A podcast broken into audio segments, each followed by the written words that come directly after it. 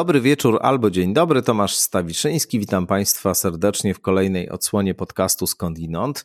Dzisiaj gość już Państwu znany, pułkownik rezerwy, co jest istotną informacją, jak się okaże, dr Piotr Łukasiewicz, politolog, dyplomata, były ambasador Polski w Afganistanie, będzie Państwa gościem. No, mieliśmy rozmawiać o wojnie z terroryzmem. Przy okazji poprzedniej rozmowy o wojnie postanowiliśmy, że kontynuacja poświęcona będzie właśnie wojnie z terroryzmem, ale w tak zwanym międzyczasie nastąpił szturm na Kapitol. Rogaty szaman przejął przez moment y, dowodzenie w tym centralnym punkcie amerykańskiej polityki. No i cała ta nasza koncepcja tego, o czym będziemy mówić wzięła w łeb, mówiąc kolokwialnie. Zaczynamy zatem od tego, co się w Ameryce dzieje tu i teraz, no ale oczywiście sięgamy jakoś do korzeni tej sytuacji i także nawiązujemy do wojny z terroryzmem. Pułkownik Łukasiewicz stawia tezę, że to, co się działo na Kapitolu w ostatnich dniach, to jest ukoronowanie procesu, który rozpoczął się 11 września 2001 roku wraz e, z atakami na World Trade Center, a później z ogłoszeniem wojny z terroryzmem przez George'a W. Busha właśnie.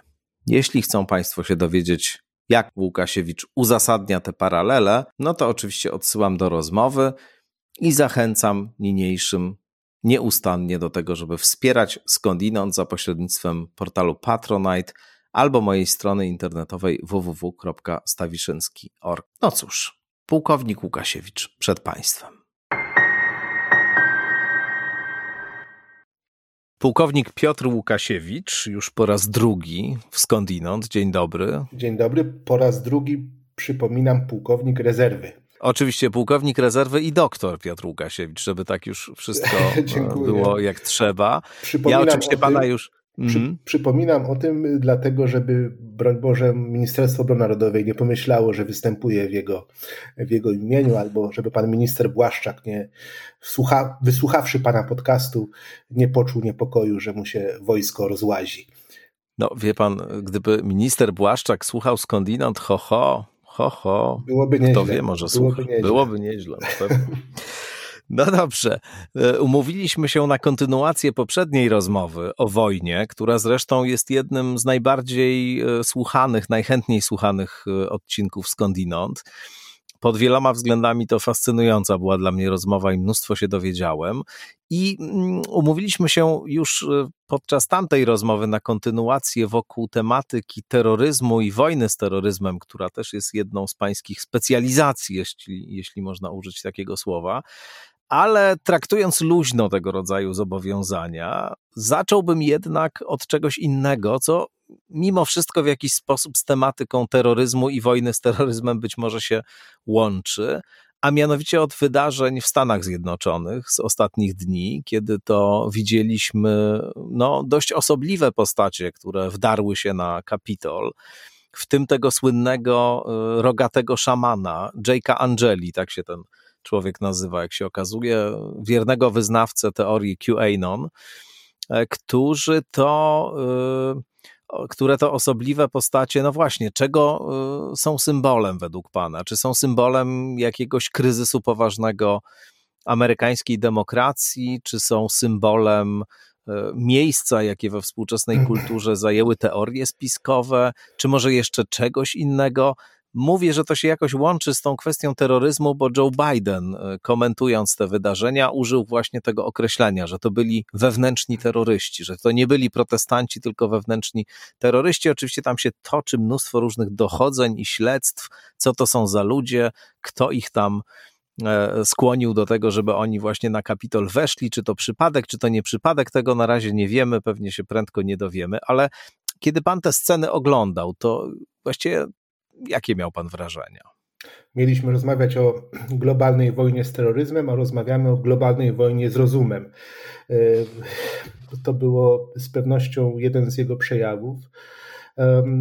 QAnon Shaman i cały ruch, który, ruch wyznawców, bo to już nie są nawet zwolennicy, to nie są wyborcy Trumpa, to są, rzekłbym, wyznawcy. E, specjalnie używam terminologii trochę religijnej, ponieważ w moim przekonaniu i QAnon i to, co się wokół Trumpa dzieje, co nie jest jakimś taki, tak zwanym fringe'em, czyli jakąś taką skrajnością, ale zdaje się, że jest samym sednem jego, jego poparcia, jego ruchu, jest w moim przekonaniu ruchem religijnym, chyba rodzącej się religii. To już nie tylko teoria spiskowa, mieliśmy w historii różne teorie spiskowe, ale jest to połączenie różnych teorii spiskowych, a uczynienie z Trumpa postaci centralnej dla tego spisku, jakiegoś proroka, który samotnie walczy z, z bestią, z lewiatanem rządu Deep State, rządu federalnego, sprawia wrażenie i jeszcze to, że wokół tego proroka e, powstało e, całe grono e, jego ludzi, którzy przekazują jego, jego, jego słowa na czele właśnie ze słynnym Q, który na Reddicie wysyłał, wysyłał tak zwane Q drops, czyli wiadomości od proroka niemalże mm. do, do jego wyznawców. To wszystko sprawia na mnie wrażenie i ludzi też tłumaczących, co, miał, co, on przez to, co on przez to chciał powiedzieć, albo co Trump robi, żeby właśnie z tym lewiatanem, z tą bestią rządową walczyć. To wszystko sprawia wrażenie jakiegoś ruchu, rodzącego się ruchu parareligijnego, który ma już swoje, ma swoje rytuały, ma swoje znaki tajemne, mniej lub bardziej tajemne, ma swoje hasła tam, gdzie idziemy, tam, gdzie idziemy, wszyscy idziemy jako jeden. To, całe skróty, które widnieją na koszulkach, na, na, na, na czapkach y, wśród, wśród tych ludzi. Oczywiście samo litera Q, która jest takim znakiem rozpoznawczym y, wokół której y, wszystko się, wszystko się kręci, to na mnie to sprawia wrażenie ruchu, ruchu no, tak naukowo mówiąc, parareligijnego, a gdzieś pewnie e, przypominającego początki wielu religii, które, zwłaszcza w Ameryce w ostatnich e, kilkudziesięciu, nawet stu latach, one miały przecież mnóstwo nowych religii na kontynencie amerykańskim się pojawiło i nie przesadzam naprawdę w moim przekonaniu mówiąc, że QAnon może być, e, może rozwijać się jako, jako kolejna z amerykańskich religii.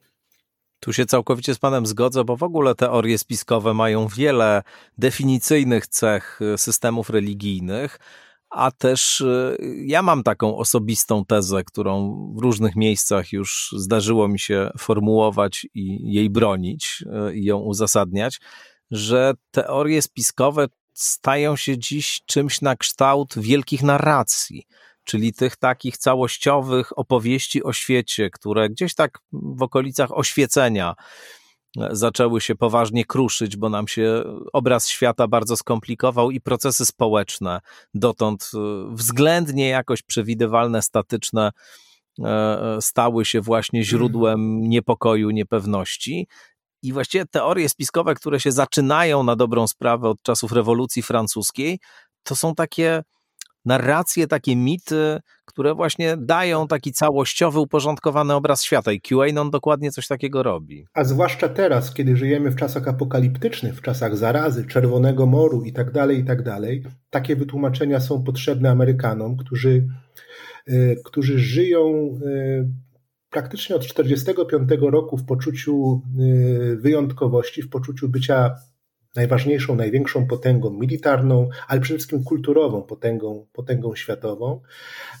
I zderzenie, przecież nawet niedawno Barack Obama wydał y, część swoich pamiętników, gdzie, których sporą część poświęcił słowu exceptionalism, wyjątkowość amerykańska, gdzie dyskutował o, o, to, jak, o tym, jak on rozumie y, tęże wyjątkowość. Więc ta wyjątkowość jest na pewno jednym z takich ważnych prądów myślenia o amerykańskiej polityce, kulturze, nawet cywilizacji amerykańskiej.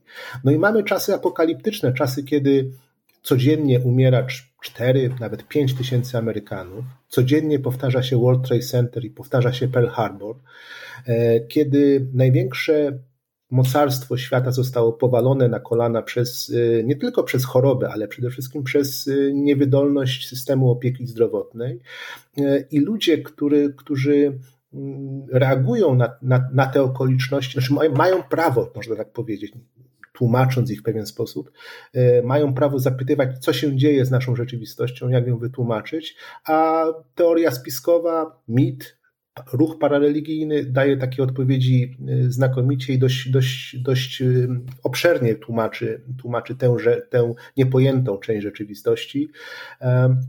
I to jest to, co zaobserwowaliśmy. Ale zaczęliśmy troszeczkę, e, zaczęliśmy mówić o, e, o teoriach spiskowych, a tymczasem e, to, co wydarzyło się przedwczoraj w kongresie, mm, no na pewno jest z tym związane, bo rzeczywiście ten QAnon szaman, który, który stał się symbolem napaści. Cóż na, za postać. Cóż za postać. Symbolem napaści na, na, na kongres. Oczywiście on jest, jest jednym tylko z aspektów, bo tak naprawdę po raz pierwszy od 200 lat ponad 200 lat. Ostatni raz y, Waszyngton został napadnięty, spalony Biały Dom w 1814 roku, e, więc 200 lat później Kapitol został, no, co tu dużo mówić, zdewastowany, zginęli ludzie w środku, co jest, co jest zupełnie, zupełnie czymś, czymś wyjątkowym. Oczywiście są bardzo, znaczy bezpośrednią winę, no na pewno przypisać należy Donaldowi Trumpowi, który 10 minut wcześniej, 10 minut przed napaścią na kongres powiedział ludziom na wiecu pod przed Białym Domem, idźcie Pennsylvania Avenue, ja do was dołączę, pójdę razem z wami, idźmy na kongres, idźmy na Kapitol um, i pokażmy, że mamy siłę, tak? że, że, że, możemy, że możemy, że to jest nasz kraj, że będziemy bronili naszego prezydenta, e, więc bezpośrednio on ponosi odpowiedzialność za, za to, co się, co się wydarzyło, ale oczywiście możemy długo też rozmawiać, poświęcić pięć takich rozmów na temat tego, co stało się w Ameryce w ostatnich no właśnie, nie tylko czterech latach, bo chciałbym też tak, byśmy może szerzej na to spojrzeli, ale w ostatnich powiedziałbym dwudziestu nawet, co znakomicie łączy się z naszym, z naszym e, oryginalnym powodem naszego spotkania, czyli z globalną wojną z terrorem. Gdzieś w tych tych, w tych czasach po, dwa, po 2001 roku poszukiwałbym um, odpowiedzi, co stało się z Partią Republikańską, co stało się z politykami republikańskimi i demokratycznymi, w ogóle stało się z elitami amerykańskimi, e, jak oni e, zareagowali wraz ze swoim społeczeństwem na, na to, e, co wydarzyło się w 2001 roku, we wrześniu, 11 września 2001 roku.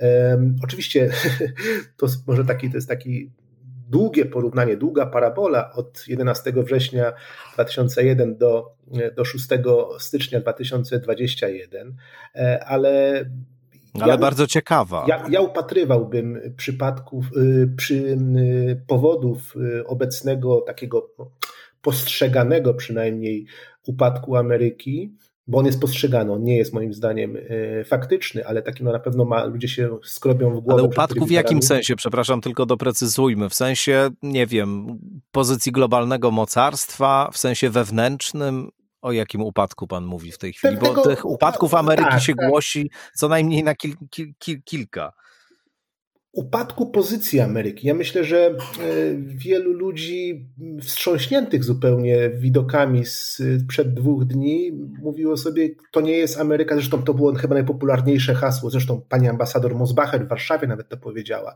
to nie jest prawdziwa Ameryka.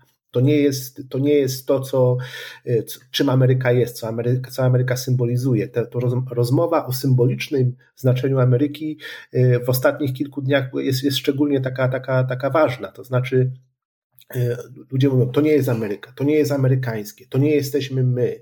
E, chińska, rosyjska propaganda z kolei cieszy się, że no popatrzcie, krytykujecie nas za łamanie pra praworządności, za łamanie praw człowieka, demokracji, a proszę, co, co się u was dzieje. Więc mówię o takim upadku, w tym sensie o, o, o naruszeniu y, wizerunku Ameryki bardzo, bardzo oczywistym, bardzo takim przejmującym, takim fizycznym, no bo przecież napadnięty został kongres, y, zakłócona została praca kongresmenów, którzy właśnie wybierali wybierali prezydenta, czy głosowali nad wyborem prezydenta. Więc to jest upadek wręcz fizyczny, upadek instytucji, która najważniejszej, najświętszej instytucji amerykańskiej demokracji, czyli parlamentu, który na kilka godzin musiał uciekać de facto przed przed e, motłochem i musiał przerwać pracę i to, i to nie byle jaką pracę, ale właśnie zatwierdzenie wyboru prezydenta. No i musiał się chronić w bunkrach i tak dalej. Wiceprezydent Pence był ewakuowany na kilka, na kilka godzin. Demonstranci wdarli się na czele z szamanem QAnon, wdarli się do pokoi e, parlamentarzystów, więc to jest upadek. Znaczy, to jest upadek przynajmniej czasowej instytucji, Przepraszam. I tak, y, tak, to, tak to ludzie odbierają, tak to ludzie postrzegają. A jak pan patrzy na takie teorie spiskowe, kolejne teorie spiskowe, które wokół tego wydarzenia się tworzą? Mianowicie na przykład jest taka teoria, że to było w istocie jakoś nakręcane, ustawiane przez Bidena i jego zwolenników po to, po to właśnie, żeby pokazać, do czego to Trump doprowadził Amerykę i żeby to poparcie społeczne dla przejęcia władzy przez Bidena wzmocnić. Jest taka teoria spiskowa. No tak, ale to już są, to, to, to akurat jest margines. To, to, jest, to jest tłumaczenie polityczne. E, republikańscy senatorowie, niektórzy politycy dopatrują się w tym, że Antifa osławiona że lewackie bojówki radykalnego socjalisty Bidena e, przeniknęły, przeniknęły do szeregów patriotów i, i, i podburzyły tłum. To jest, to jest za każdym razem, kiedy populistom nie wychodzi jakaś akcja polityczna, mówią, że to są ich przeciwnicy i że to przeciwnicy przeniknęli do ich szeregów i, i, i sieją, sieją więc tu jest jakby typowa reakcja. Ja bym to zupełnie, zupełnie pominął. Przepraszam. Przepraszam najmocniej. E, więc, e, więc, więc to, to jest chyba pomijalne. Tak naprawdę po tych e, kilku dniach zapamiętamy, zapamiętamy obrazy niespotykane w amerykańskiej historii, przynajmniej nowoczesnej. E, I będziemy pewnie stawali przez najbliższe miesiące przed takimi ocenami, y, jak to zwykle bywa, pesymistycznymi i optymistycznymi. Ja, ja, ja stoję po stronie optymistycznej, za chwileczkę do tego dojdę, ale na pewno Oceny pesymistyczne są takie, że no właśnie, że Ameryka się wali, że zostały, że, że, że Trump jest na tyle silny, że będzie dalej istniał w polityce amerykańskiej i będzie psuł partię republikańską, będzie ją dzielił, e, będzie wpływał, będzie chronił swoje, e, swoje, swoje dziedzictwo, będzie budował swoją pozycję na przyszłość, bo mówi się, że chce, chciałby wystartować w 2024 roku, e, więc ta, ta, ta amerykańska, tak w cudzysłowie powiem, bestia, populistyczna, którą Trump jak się wydaje, przebudził, że ona może wrócić, więc oczywiście partnerzy na przykład europejscy mogą się martwić, no co się stanie za 4 lata. Teraz mamy przyjemnego Bidena, który podkreśla wartość stosunków transatlantyckich, sojusz z Europą i tak dalej, i tak dalej. No ale co się stanie za 4 lata, jak Trump znowu wróci? To jest ta wersja pesymistyczna. Ja osobiście jestem, jestem zwolennikiem pozytywnej wizji Ameryki, y, wyrażonej chociażby we wczorajszym, w czwartkowym przemówieniu Bidena, który bardzo, bardzo mocno podkreślał rolę instytucji. To jest mnie osobiście bardzo bliskie myślenie o, o tym, jak ważne są instytucje, jak ważne jest y, sprawiedliwość, wymiar sprawiedliwości niezależny, który, y, który, który będzie działał i osądzał sprawców tego, tej, tej nieprawdopodobnej napaści e, i który pewnie chyba jakoś może również sięgnąć do samego Trumpa. To jest bardzo ciekawe pytanie, czy czy te instytucje, czy prokuratura, wymiar sprawiedliwości amerykański będzie, będzie tak zdeterminowany i tak silny, żeby, żeby również głównego sprawcę tutaj jakoś e, próbować przynajmniej pociągnąć do odpowiedzialności. Ale mówię. Bardzo. Mhm. Tak, tak. Proszę, proszę. Proszę dokończyć. Znaczy mówię, no, ta, ta optymistyczna, optymistyczna wersja również zakłada y, pewnego rodzaju to, to, tą cechę amerykańskiej polityki, którą, czy w ogóle życia, cywilizacji amerykańskiej, bo o tym chyba powinniśmy mówić, nie tylko, to nie chodzi tylko o politykę, pewnego y, zdolności do samooczyszczenia się, zdolności do odbicia się. Pamiętam oczywiście, to przytoczę anegdotę, kiedy w 2008 roku w Afganistanie rozmawiałem z żołnierzem amerykańskim, to był sam środek kryzysu ekonomicznego, no i oczywiście rozmawialiśmy jak to żołnierze o kursie dolara. I, i, tak zatroskali zatroskany go pytam, no co się z tą giełdą dzieje, co się dzieje w ogóle mm. z gospodarką amerykańską. On mówi, nie przejmuj się, America will always bounce back. Zawsze się odbije. I to bounce back zawsze mi się przypomina, kiedy, kiedy słyszę o amerykańskich, o głębokich amerykańskich kryzysach. E, I mam nadzieję, wierzę w to i chyba, chyba to, to, to zobaczymy przynajmniej w tym, w tym pierwszym roku prezydentury Bidena tę próbę odbicia się, próbę zjednania, zjednoczenia e, jakiegoś społecznego, próbę leczenia, zasypywania podziałów. E, oczywiście to są te rzeczy, te, to o czym powiedziałem, brzmi tak bardzo, bardzo propagandowo wręcz. To jest jakiś taki podręcznik narracji politycznej, że musimy się zjednoczyć, że musimy yy, pojednać się i tak dalej, i tak dalej, ale, ale wydaje mi się, że akurat w przypadku, w przypadku Bidena jest to autentyczne, jest to, jest to prawdziwe. To jest człowiek, który jest człowiekiem 78-letnim. On w zasadzie nie ma nic innego do zrobienia niż przejście przez swoją kadencję jako ważny polityk, ważny historycznie polityk. E, I paradoksalnie to, co wydarzyło się w czwartek, w środę i w czwartek w, Białym, w Waszyngtonie, może jeszcze go wznieść, może jeszcze go e, wznieść tą jego e, siłę, siłę jego przekazu, siłę jego, jego propozycji dla Amerykanów, e, ponieważ Amerykanie rzeczywiście zobaczyli, zobaczyli straszny podział i więc im bardziej jest źle, tym lepiej, tym lepiej Bidenowi może się, jako jednoczycielowi może się udać, więc być może stoimy na progu historycznej prezydentury. Czyli pan się wojny domowej w Stanach Zjednoczonych y, nie spodziewa, autonomii Teksasu, autonomii Kalifornii, bo tego typu scenariusze też już od pewnego czasu są w grze. Skądinąd do Teksasu od pewnego e, czasu y, wiele osób, y, także tych majętnych, się sprowadza właśnie dlatego, że w momencie, gdyby tego rodzaju scenariusz miał się zrealizować, gdyby faktycznie doszło do rozpadu Stanów Zjednoczonych, do jakichś e, antagonizmów takich uniemożliwiających dalsze trwanie tego państwa, no to to jest e, stan samowystarczalny, tam są wszystkie potrzebne surowce, żeby, żeby sobie doskonale radzić i, i żeby nie musieć wskazywać się na zależność od kogokolwiek.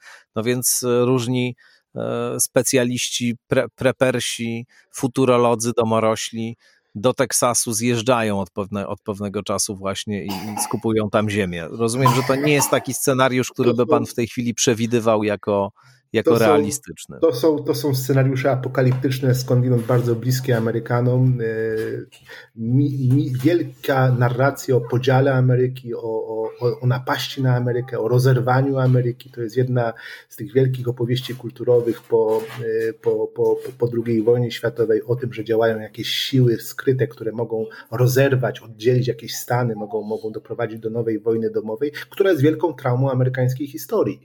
E, I to bardzo świeżą traumą. Prawda? Nic ważniejszego w amerykańskiej historii nie wydarzyło się prócz, e, prócz wojny domowej, gdzie brat przeciwko bratu się e, skierował e, i każde kolejne nawet wydarzenia nie, były, nie, nie są tak silnie, nie, istnie, nie funkcjonują tak silnie w amerykańskiej psyche, więc ten możliwość podziału jest jak najbardziej, jak najbardziej amerykańska. To jest, to jest po prostu część amerykańskiej opowieści.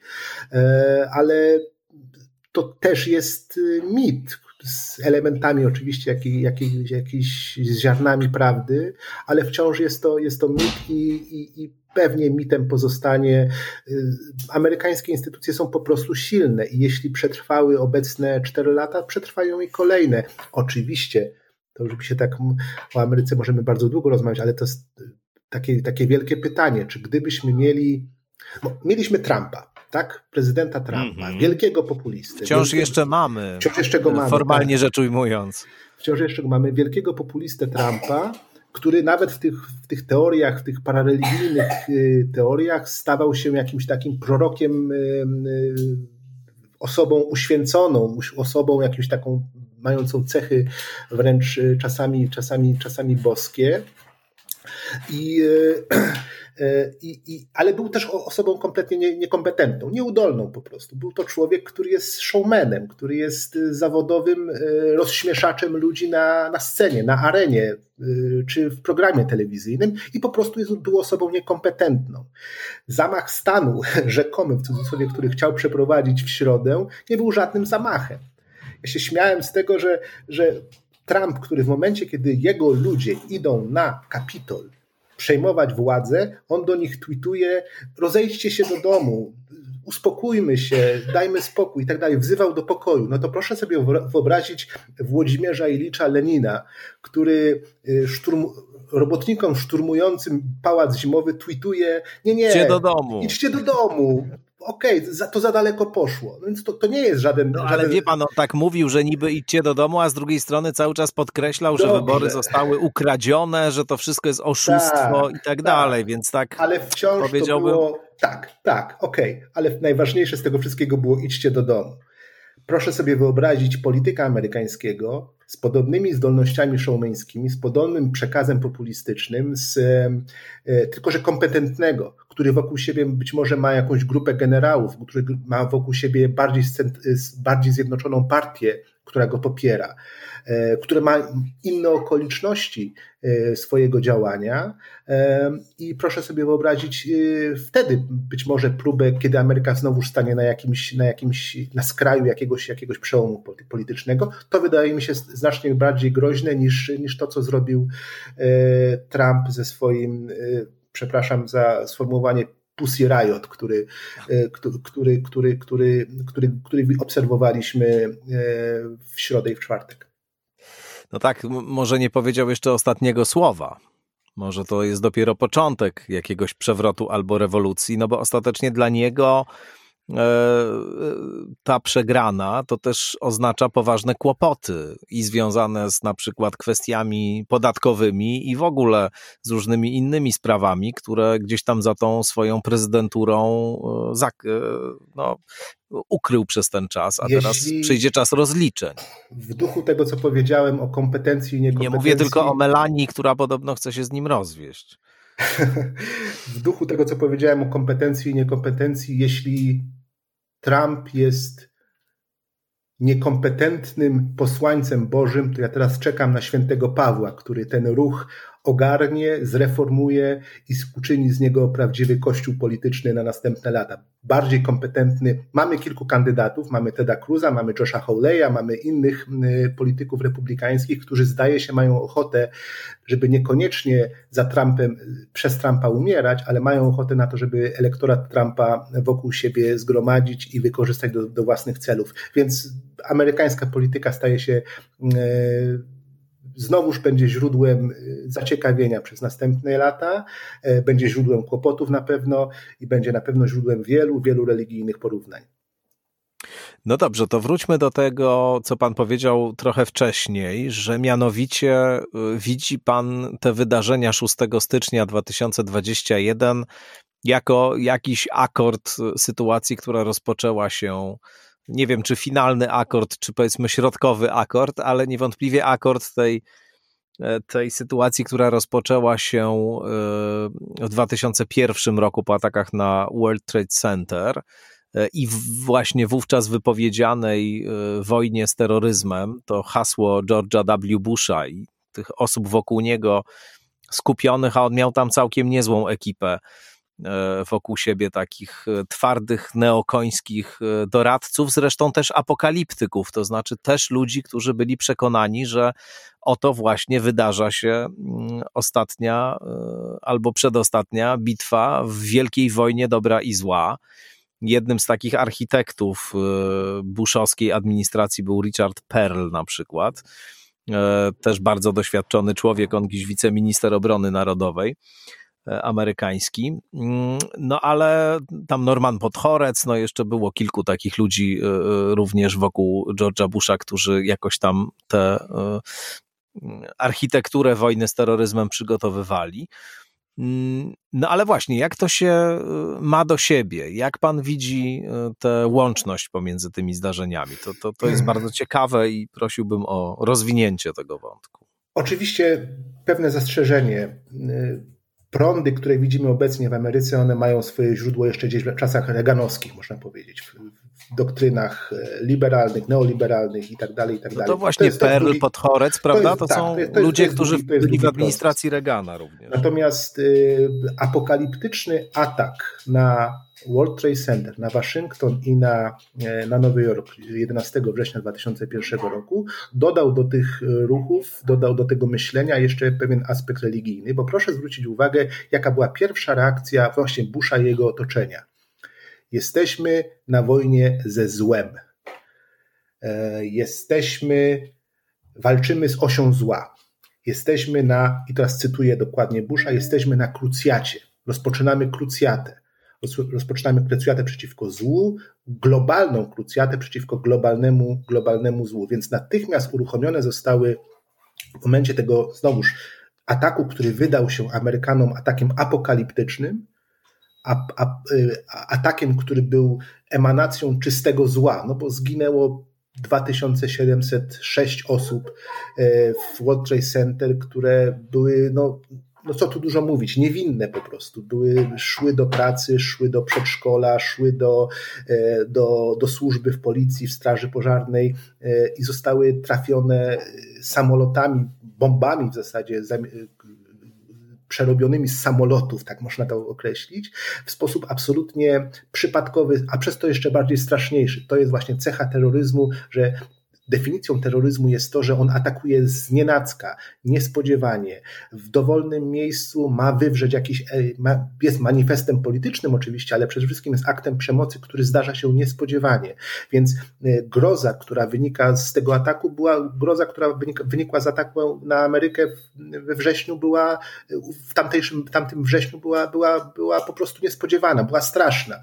E, I natychmiast reakcja Amerykanów również była, no właśnie, religijna że my, którzy mamy wielką cywilizacyjną, globalną rolę do spełnienia, bo przed, przed chwilą Ameryka wygrała wojnę z y, innym imperium, z imperium zła y, ze Związkiem Radzieckim, y, no teraz innego rodzaju zło nas, zło nas zaatakowało, więc te konotacje religijne natychmiast, natychmiast się uruchomiły i rozpoczęła się natychmiastowa reakcja tej wielkiej machiny y, amerykańskiej po to, żeby, no właśnie, żeby to zło terrorystyczne y, ścigać. Powstała nawet taka teoria spiskowa znowuż, która rzekomo odtwarzała, która odtwarzała rzekome myślenie o samym Bin Ladena, który myślał, miał myśleć, że jeżeli zaatakuje tak boleśnie Amerykę atakami terrorystycznymi z Afganistanu, to Ameryka napadnie na Afganistan, zaatakuje Afganistan, a wiadomo, że w Afganistanie wszystkie mocarstwa przegrywają. Przegrali Brytyjczycy, przegrali, yy, przegrał Związek Radziecki, to teraz Ameryka, która yy, dokona inwazji, również się posypie, ponieważ ten Czyli kraj... chodziło o to, żeby Amerykę zwabić w pułapkę. Tak, tak. Było, było, było, takie, było takie, takie, takie domniemanie, że właśnie tym, tym, tym się kierował Osama, Osama Bin Laden. Yy, I rzeczywiście Ameryka to zrobiła. napadła na Afganistan, więc jakby to myślenie było, było, było, było, było wzmacniane przez, przez to, co stało się później. E, ten, ta skłonność do działania, natychmiastowa skłonność do, do działania amerykańska była, ja też taką anegdotę przy, przytoczę inną. Byłem w 2002 roku w, na szkoleniu w Waszyngtonie e, i mieliśmy, to było takie towarzystwo międzynarodowe, wojskowe. E, mieliśmy zajęcia również z, z profesorami cywilnymi z, z uczelni, z uniwersytetów, e, Waszyng z Uniwersytetu Waszyngtońskiego. Tak. I pamiętam taką panią profesor, która pytała nas, skąd jesteśmy. No, tam byli gdzieś tam koledzy z, z różnych miejsc w, w Europie. Ja powiedziałem, że jestem z Polski. Ona powiedziała, a to bardzo ciekawe, bo jesteś z tego kraju, który zawsze ogłasza żałobę narodową, kiedy y, stanie się coś ważnego, coś, coś tragicznego, jakiś wielki mm. wypadek i tak dalej, i tak dalej. I macie te trzy dni tego, tej, tego, tej y, żałoby narodowej, a zobacz, co u nas się stało. 11 września e, zostaliśmy napadnięci. 12 września zaczęliśmy działać. Nie było żadnej żałoby, nie było żadnego, żadnej refleksji, żadnej introspekcji.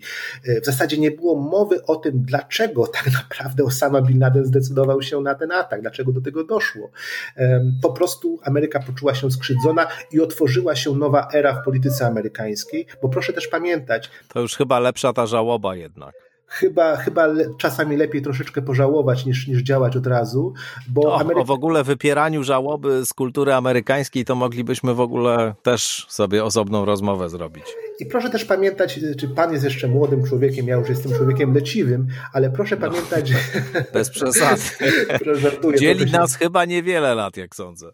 Trochę się kryguje teraz oczywiście żartobliwie, ale proszę pamiętać, że y, jak, jak wiele wówczas było głosów o tym, że tak naprawdę 2001 rok, 11 września, to był prawdziwy koniec XX wieku. Czyli mamy nawet to, myśl, to myślenie milenarystyczne, wręcz się, wręcz się wtedy milenijne się urodziło, że skończyło się tysiąclecie i rozpoczęło się nowe tysiąclecie od tak strasznego ataku na Amerykę.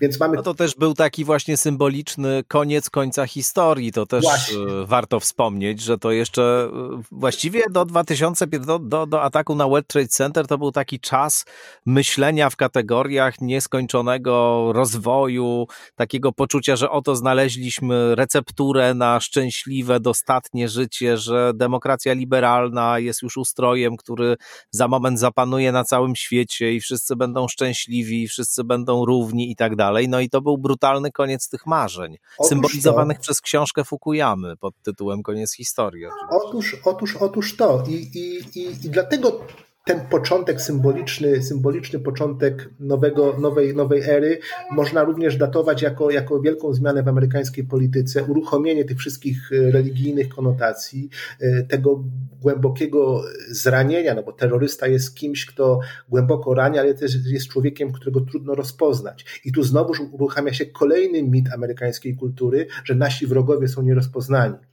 cała literatura Filipa Dicka to polega na tym, że nie wiemy z kim rozmawiamy, prawda? I w wielu innych y, książkach, filmach mamy do czynienia z ukrytym komunistą, z ukrytym terrorystą, z, człowiekiem, który ma y, jest dwulicowy po prostu, nie, jest, nie jesteśmy w stanie go rozpoznać, a on knuje przeciwko, y, przeciwko naszemu stylowi życia, przeciwko, przeciwko Ameryce.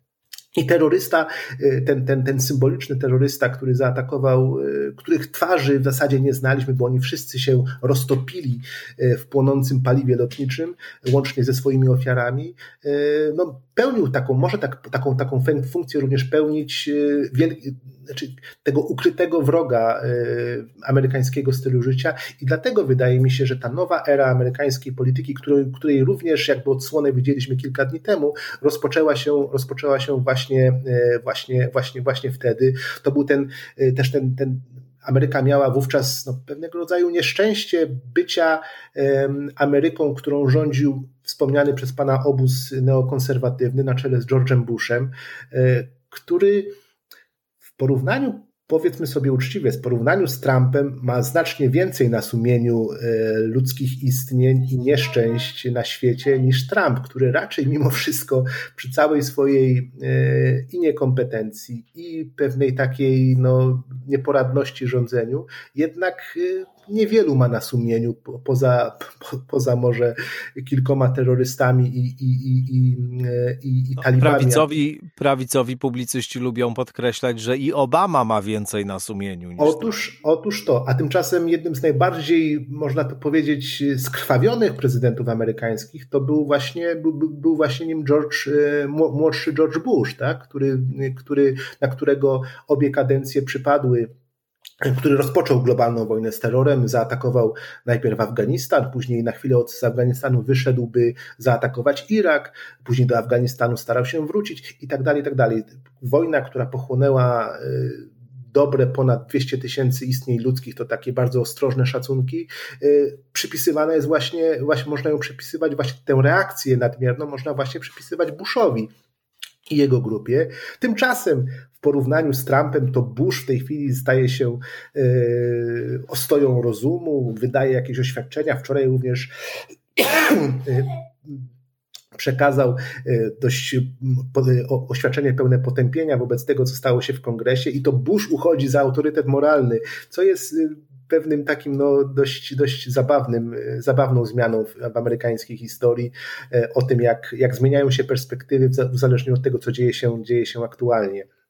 A pan uważa, że to był y, jeden wielki błąd? Ta cała wojna z terroryzmem, wejście do Iraku, tego rodzaju odpowiedź na atak na World Trade Center. Czy, czy to był błąd? A jeśli to był Pana zdaniem właśnie błąd, to y, gdyby pan był wtedy doradcą George'a Busha, no to co by pan mu zalecił, że w jaki sposób on powinien sobie z tą sytuacją poradzić?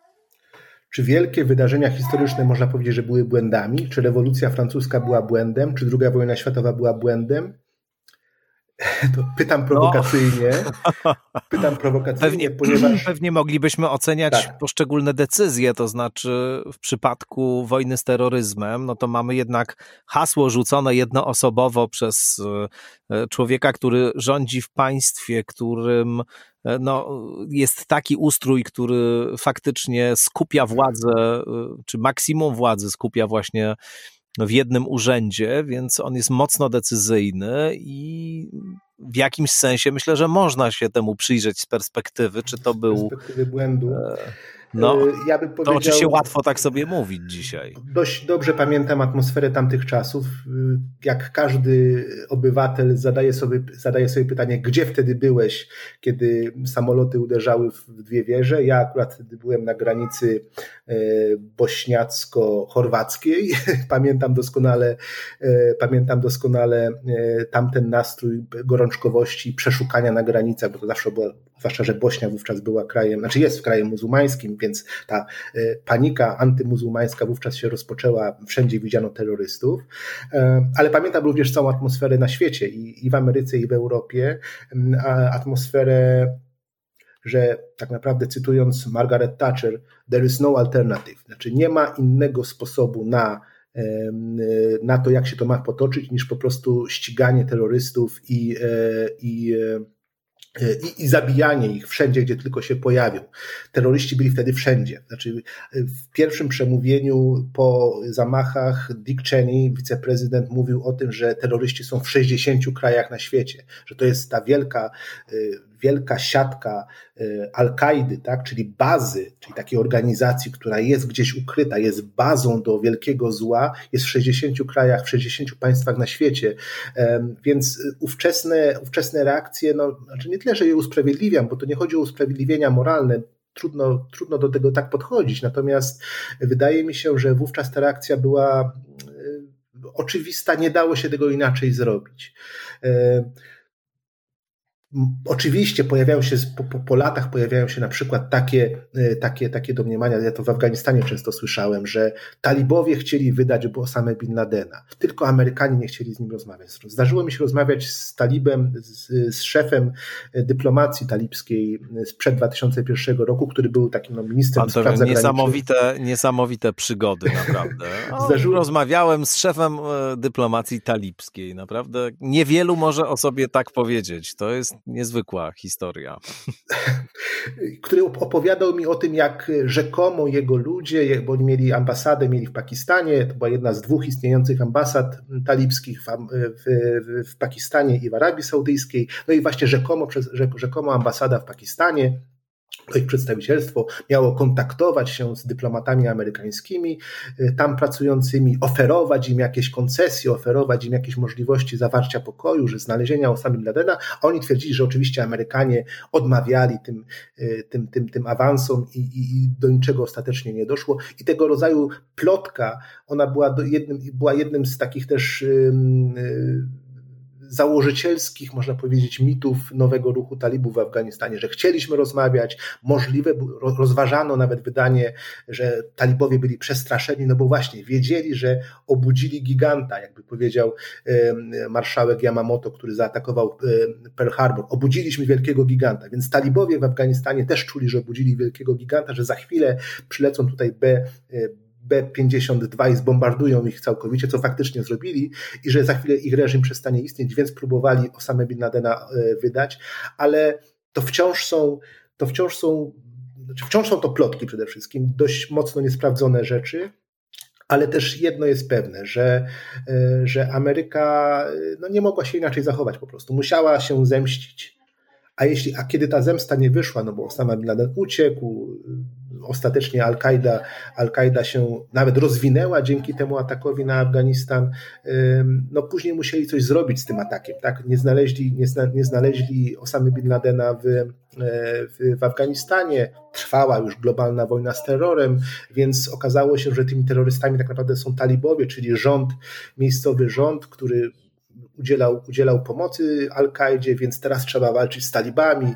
Później, to dwa lata później przeniosło się ten, e, ta, ta wojna przeniosła się do Iraku, który zresztą zawsze był jakąś taką obsesją e, neokonserwatystów myślących o tym, że zlikwidowanie zagrożeń na Bliskim Wschodzie, czyli zagrożeń irackich, irańskich wobec Izraela, będzie źródłem wielkiej przemiany największego chyba problemu powojennego Ameryki, jaką była sytuacja bliskowschodnia. Więc tutaj z kolei przenosi, łączymy wątki terrorystyczne, wątki bezpieczeństwa obywateli amerykańskich y, z wątkami takimi geopolitycznymi, czyli globalnymi interesami Ameryki, surowcowymi oczywiście, również na, na, na Bliskim Wschodzie. Więc ta wojna z terrorem przeniosła się na, do, do, do Iraku, gdzie również przede wszystkim śledzono y, powiązania i z Saddama Husseina jego reżimu z, z Al-Kaidą, co było dość, dość absurdalne, bo to nie zupełnie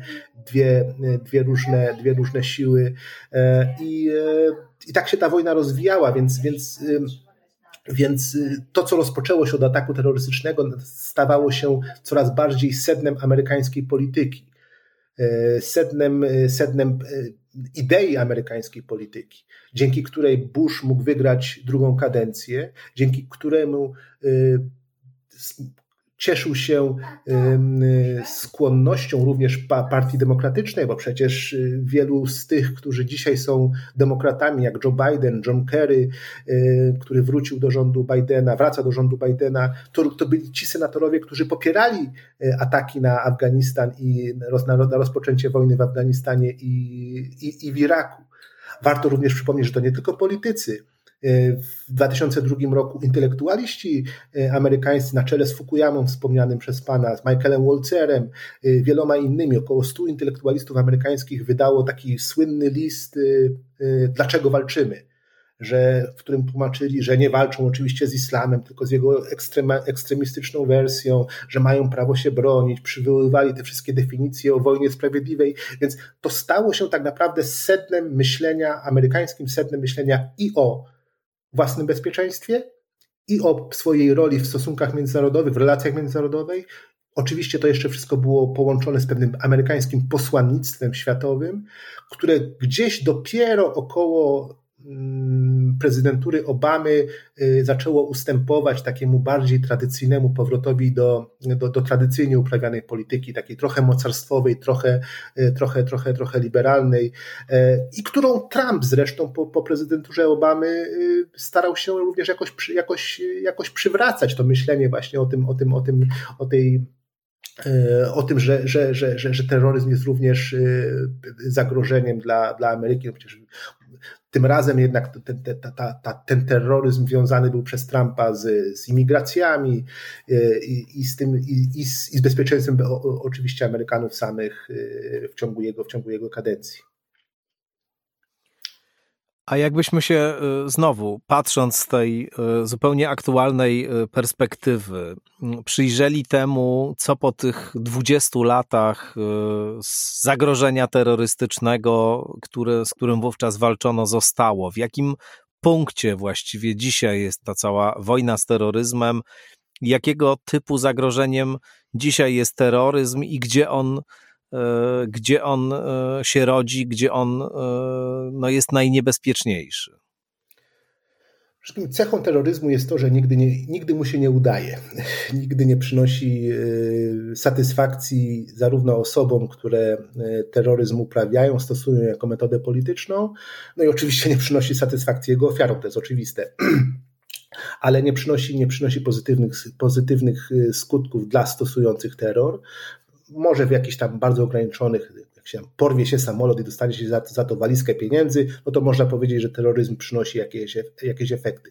Ale to już tak trochę, trochę, trochę żartem. Natomiast terroryzm nie działa jako, jako metoda zasadniczej, ważnej zmiany politycznej, e, co jest konstatacją pesymistyczną dla terroryzmu jako metody uprawiania polityki, ale również gwarantującą jego, jego przetrwanie po prostu. Znaczy to, że terroryzm będzie trwał, ponieważ wygodnie jest się do niego, do niego odwoływać. Jest przede wszystkim też uznawany za broń słabych, więc na pewno można powiedzieć, że, że terroryzm nie zakończy się jako zjawisko. Zaczął się już w starożytności. Mieliśmy w Izraelu słynnych sykariuszy, czyli sztyletników, którzy e, w tłumie likwidowali przeciwników politycznych. Mieliśmy w starożytności e, słynnych e, haszaszin, czyli asasynów kierowanych przez tajemniczego starca z gór, który w twierdzy Alamut poił haszyszem młodych mężczyzn i wysyłał ich na samobójcze misje.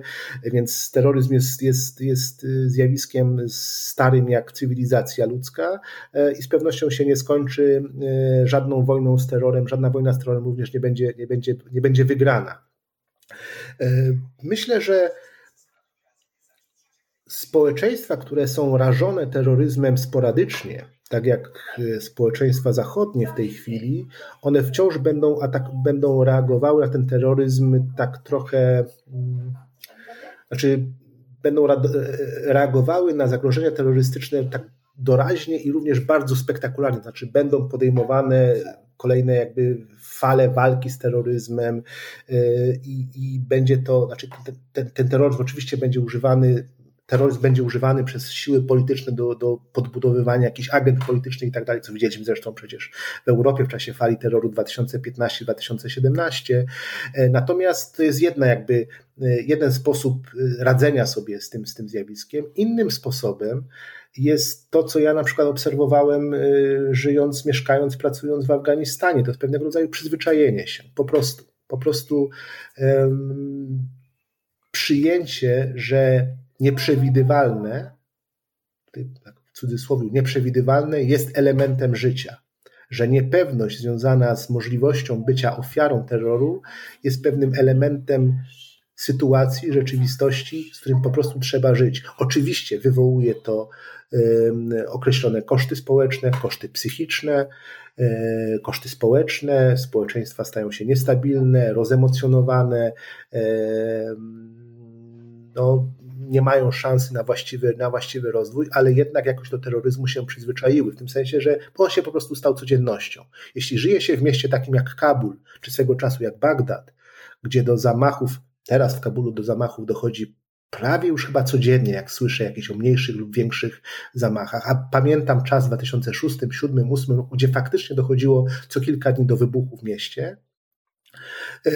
To po prostu w pewnym momencie staje się to jakąś taką, no może nie tyle przezroczystą, bo to nigdy nie jest przezroczyste, ale staje się jakąś, jakąś, jakąś, e, jakąś rzeczywistością. I, i A jakie tak... tutaj są właściwie na tej mapie, e, na której mamy terroryzm jako narzędzie realizowania jakichś politycznych celów, nazwijmy to w ten sposób, to jakie tutaj właściwie są stronnictwa na tej mapie? Pomiędzy kim a kim toczą się te gry wojenne, te wojny właśnie, te akty e, agresji e, za pomocą terrorystycznych metod właśnie. Ale to zależy gdzie, bo w każdym kraju, w każdym państwie jest inaczej. E, w Ameryce ma, mamy terroryzm mm, skrajnie prawicowy, ten domestic terror, tak jak chwileczkę mówiliśmy o tym w przypadku, w przypadku sytuacji tego, tej, tej skrajnej prawicy amerykańskiej, która dokonuje po prostu aktów terroru od czasu do czasu, e, na czele z, z, z słynnym, e, słynnym zamachem w Oklahomie, który pochłonął e, kilkaset, kilkaset osób. Więc tam jest terroryzm taki, no powiedzmy, domorosły. Terroryzm fala terroryzmu dżihadystycznego, tak zwanego w Europie w 2014, 15, 16, chyba 17 jeszcze roku, miała inne pochodzenie. Jak wydaje się, na razie ta fala została e, przygasła i, i, i już tak do takich aktów nie dochodzi, ponieważ e, służby policyjne, siły policyjne, e, jak się wydaje, dość dobrze zinfiltrowały te grupy, które i tłumią w zarodku jakieś, jakieś próby E, próby wzbudzenia tej fali, e, przynajmniej w zachodniej, e, w zachodniej w Europie. Mamy kraje, państwa takie jak Syria, Irak, Afganistan, gdzie terroryzm jest sposobem walki uprawianym przez lokalne rebelie.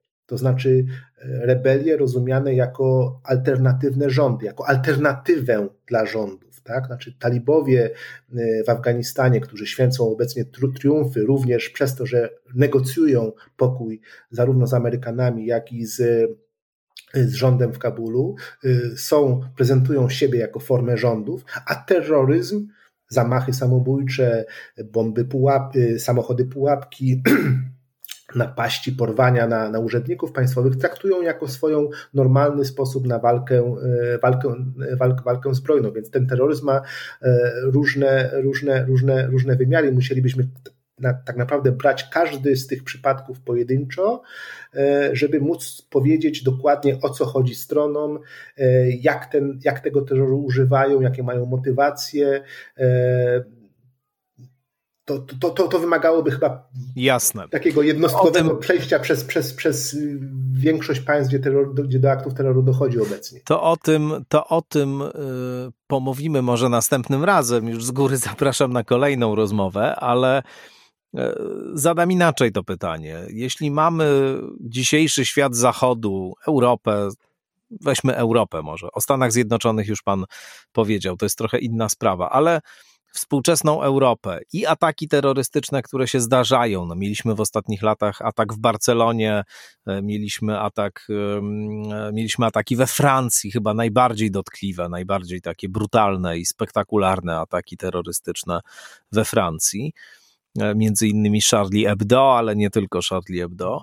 Bataclan. Mm, tak, tak to, y, to pomiędzy, to, to jakie tu są stawki w tej grze? To znaczy, jak pan widzi te środowiska, które dzisiaj aktualnie e, przeciwko Zachodowi, przeciwko Europie się zwracają i stosują tego typu metody? I jakby pan je definiował, bo można też rozmaicie, tu jest jeszcze osobna e, dyskusja, która też by nam zajęła jeszcze wiele, wiele czasu i o niej następnym razem znowu skądinąd możemy porozmawiać, czyli dyskusja o tym, jakie są y, y, źródła na przykład islamskiego terroryzmu, czy jest tak, jak mówi sam Harris, który zwraca uwagę na to, że mamy tu do czynienia też ze specyficzną konstytucją ideową, to znaczy z pewnym zespołem przekonań, które sprzyjają stosowaniu tego typu form przemocy.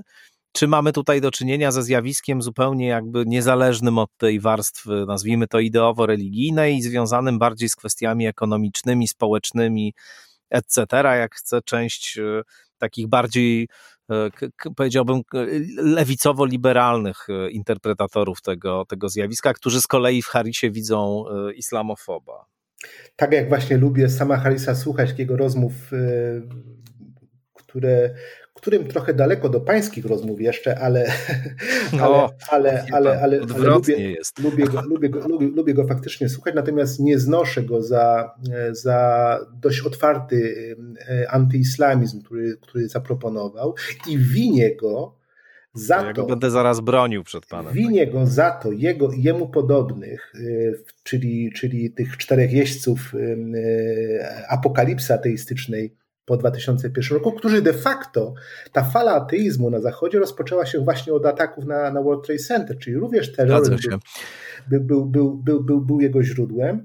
Pierwsza książka Harrisa zresztą, Koniec wiary, ta, od której cała ta e, idea nowego ateizmu się zaczęła, to była pierwsza chronologicznie książka, to, był, to była właśnie książka zainspirowana atakami na World Trade Center. Jest to całkowicie, całkowicie dlatego nie znoszę tej, tej amerykańskiej wersji ateizmu, ponieważ ona jest fałszywa, ponieważ jest ona, ona ateizm, w moim przekonaniu, czysty ateizm, taki ateizm czystego rozumu powinien brać swoje źródła skądinąd, a nie y, z krytyki jednej pojedynczej, pojedynczej religii. To jest za mało filozoficzne moim zdaniem. Jestem zwolennikiem ateizmu raczej pogłębionego niż po prostu będącego reakcją na ten czy inny, nawet nie wiadomo jak najgorszy atak terrorystyczny. A zdaje się, że sam Harris taki właśnie, taki właśnie e, ateizm, ateizm zgłosił. Ale dobrze, nie o ateizmie teraz. Chciałbym powiedzieć jedną, jedną rzecz. E, bo wspomnieliśmy, wspomniał Pan o tych strasznych zamachach. Ale już mogę w obronie Harrisa coś powiedzieć krótko tylko? Proszę. Bo, bo y, ja akurat dość dobrze tę książkę znam, bo kiedyś, kiedyś no, w jakiś sposób ona też i moimi posadami światopoglądowymi zachwiała, ta, ta książka Koniec Wiary i bardzo tę książkę cenię. Ja bym tego nie widział jednak jako taką czystą reaktywność na, na zamachy. E, tylko bym to widział bardziej jako, bo, bo też oczywiście tam ten wątek się pojawia, ale on nie jest centralny w tej książce. I zarówno ta dzisiejsza działalność Harrisa i ten krytycyzm, który on ma wobec zresztą wszystkich religii, nie tylko, nie tylko islamu, ale wobec islamu także, ona ma źródła, powiedziałbym, w takim dosyć moim zdaniem intuicyjnym przekonaniu, które z różnych politycznych powodów bywa problematyczne dzisiaj. W takim mianowicie, że źródłem ludzkich zachowań są idee. To znaczy, że od tego, jakie mamy idee, zależy y, nasze zachowanie, zależą nasze działania i że te idee w sposób bardzo głęboki wpływają na to, co robimy, bo nam projektują pewien obraz świata, w którym, w którym się poruszamy.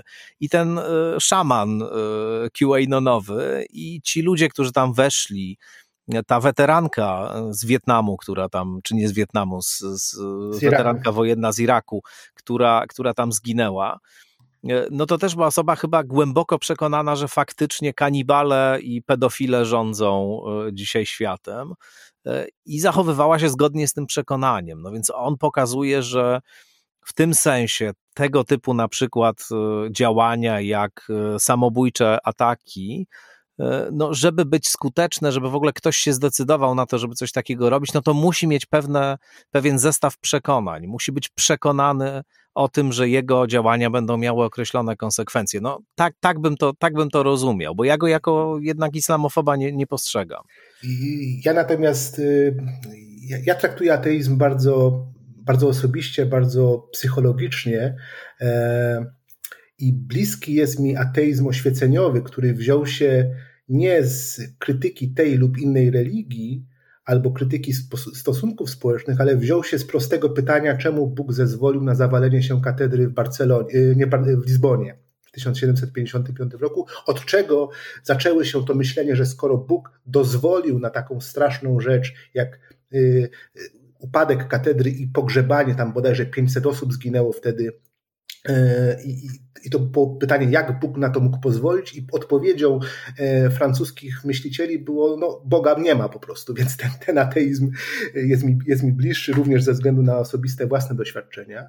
E, więc może pozostańmy przy, przy, przy swoich stanowiskach, natomiast e, E, natomiast wracając do, do, do, terroryzmu i do, do Bataklanu, bo to jest dla mnie wyjątkowo, wyjątkowo e, ważny, symbolicznie ważny, ważny moment, który jakoś odpowie być może również na, na Pana i na, na Państwa wątpliwości, e, czemu ten, ten, ten terroryzm europejski jest tak mocno powiązany z 11 września 2001 roku. Otóż w 2015 roku terroryści napadli na dyskotekę, y, salę koncertową klub Bataclan w Paryżu. Trwał tam wtedy koncert Eagles of Death Metal, bardzo dobrego zespołu skądinąd. E, zginęło 100 osób, terroryści, kilku y, członków tego komanda terrorystów wpadło do środka, zaczęło strzelać y, bez żadnych ograniczeń do ludzi, do, do, którzy kryli się pod stolikami, próbowali wyskakiwać przez okno. Doszło do straszliwej masakry po prostu, niespotykanej w zasadzie w Europie. E, również w tym samym niemalże czasie, czy w odstępie kilku, kilku miesięcy miał, ten słynny, miał miejsce również atak y, w Paryżu na, na, na restaurację, y, gdzie, gdzie siedzieli ludzie, turyści siedzieli w jakimś ogródku i, y, i tam również zginęło terroryści po prostu biegali po, po, po, po, po mieście i strzelali do kogo, do kogo popadnie. Napad na Charlie Hebdo był bardzo podobny. Wpadli do biura, zastrzelili w zasadzie wszystkich pracowników, pracowników wszystkich dziennikarzy pracujących i pracowników redakcji Charlie Hebdo. I kiedy patrzyłem na, na skutki tego, no bo widzieliśmy zdjęcia, to one było, wszędzie było tego pełno, można było zobaczyć, jak ci ludzie leżą pokotem, pokrwawieni, y, jakieś poskręcane ciała w, tych, w, tych, w, tych, w tym klubie i, i, i tak dalej. Ja spojrzałem na to w ten sposób, ale ja to gdzieś już widziałem. Widziałem to w Afganistanie, w Kabulu. Widziałem restaurację napadniętą, od której mieszkałem 50 metrów napadniętą przez, przez, przez dwójkę młodych terrorystów, e, którzy zastrzelili wszystkich w środku, na samym końcu sami zginęli. Widziałem, dysko, widziałem salę koncertową w Kabulu, e, gdzie kilka tygodni wcześniej odbywał się koncert polskiego zespołu, który jako ambasada ściągnęliśmy do Kabulu, Masala Sound System. Wspaniały koncert dali muzyki etnicznej, niesamowita, niesamowite sceny, a kilka miesięcy później ta sama sala koncertowa, która była pełniła również formę, y, rolę teatru, y, została wysadzona w powietrze przez jednego z widzów, który wstał, krzyknął Allahu Akbar i się rozerwał. A zresztą y, notabene na, na scenie trwał spektakl aktorów afgańskich, którzy odgrywali scenę zamachu, więc to jest jakaś kompletna piętrowa, piętrowa symbolika tego, tego, tego aktu. I również tego, tego rodzaju takie same widoki, to znaczy poskręcanych ciał, ludzi, którzy bawią się, którzy rozmawiają, jedzą, nagle wpada niezapowiedziany gość i albo się wysadza w powietrze, albo ich po prostu rozstrzeliwuje. E, I pomyślałem sobie, tak trochę po niczeańsku, tak długo patrzyliśmy w otchłań, że teraz otchłań zajrzała w nas. Mm że teraz to do nas przyszło, że to, co, zna, co jest rzeczywistością mieszkańców Kabulu, rzeczywistością mieszkańców Rakki, e, Mogadiszu, e, Damaszku, e, Bagdadu, Mosulu, czyli miejsca, gdzie myśmy ze swoją demokracją weszli, żeby ludzi nauczać innego sposobu życia i, i dbać, że, gdzie weszliśmy po to, żeby dbać o własne bezpieczeństwo, ta rzeczywistość przeszła do Europy wróciła do nas. Owszem, mieszkańcy Wielkiej Brytanii mieli z tym do czynienia wcześniej. W latach 70., 80. fala ataków IRA to były również ataki na. E, to się działo, ale to jakby zostało zapomniane. To, co zobaczyliśmy w 2015-16 roku, to było dokładnie przeniesienie Bliskiego Wschodu na, e, do miast europejskich, do głównych miast europejskich. E, I, I, to wydało mi się takie bardzo, bardzo, bardzo, bardzo znaczące, że akcje podjęte 20 lat temu one nie pozostały bez odpowiedzi, nie pozostały bez konsekwencji i one do nas jakoś, karma wraca. Może tak już tak stosując takie bardziej młodzieżowe, luźne po, po, po, pojęcie, ale rzeczywiście, ale, ale widoki są dokładnie te same. E, zamordowanych ludzi w trakcie momentów, kiedy przeżywali szczęście. To znaczy jedli, pili, cieszyli się przyjaźnią, y, towarzystwem swoich przyjaciół y, albo jakimiś, jakimiś rozrywkami typu teatr, czy kino, czy muzyka. I, i to, jest, to jest tak naprawdę efekt tych, tej, tej, tej, tej wojny. I oczywiście nie chcę obwiniać George'a Busha, E, Baracka Obamy i, Donalda Trumpa, czy w ogóle klasę polityczną światową, zachodnią, za to, co się, co, się, co się stało. Nie chcę tego wiązać bezpośrednio, e, ale, ale posmakowaliśmy własnej medycyny, tak bym, tak bym, tak bym, to, tak bym to trochę, trochę podsumował.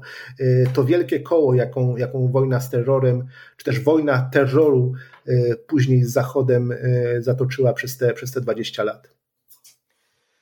No to tutaj postawimy kropkę, czy raczej właściwie średnik postawimy, bo zapraszam za niedługo na kolejną odsłonę tej rozmowy, gdzie może rzeczywiście się przyjrzymy bardzo szczegółowo już tym kwestiom, o, którym, o których dzisiaj Pan mówił, a tymczasem bardzo dziękuję raz jeszcze. Może porozmawiamy o tym, jak rozmawiać z oficerem ISIS-u. O, to jest znakomity temat. Znakomity Albo z talibem. Właśnie. Bardzo dziękuję. Bardzo dziękuję, panie doktorze. Dziękuję bardzo Państwu także, no i zachęcam oczywiście do słuchania skądinąd wkrótce kolejne odcinki.